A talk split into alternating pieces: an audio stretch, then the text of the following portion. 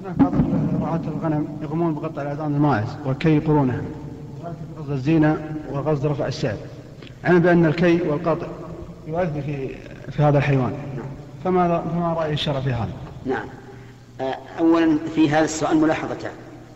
الملاحظة الأولى إلقاء السلام لأننا لا نعلم أن الصحابة إذا أرادوا إذا أرادوا أن يسألوا الرسول صلى الله عليه وسلم يلقون عليه السلام.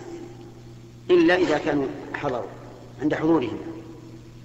الملاحظة الثانية قولك ما حكم الشرع في هذا؟ لأني لا أود أن يوجه السؤال لشخص يمكن يخطئ ويمكن يصيب فيقال ما رأي الشرع؟ لأنه يعني إذا أجاب بخطأ صار الشرع خطأ. فهمت؟ خذ فائدتان أو خذ فائدتين. طيب.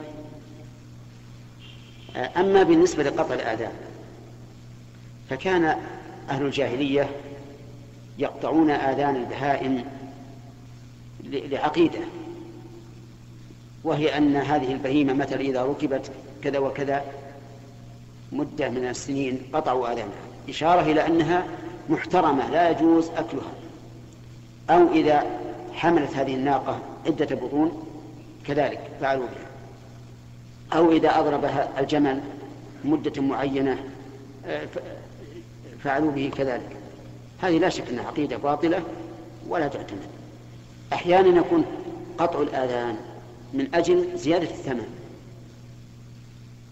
من من أجل زيادة الثمن. كما نسمع الآن من بعض الآذان بعض البهائم المقطعة آذانها أن تبلغ آه، يعني العشرة يمكن ألف من القيمة. ونحن نرى وأنا أرى أن هذا من السفة بالنسبة للمشتري. هذه البهيمة التي تساوي مثلا 200 قطع تساوي يجعلونها آلاف ستة آلاف. هل زادت بقطع الأذان؟ نعم ما زادت.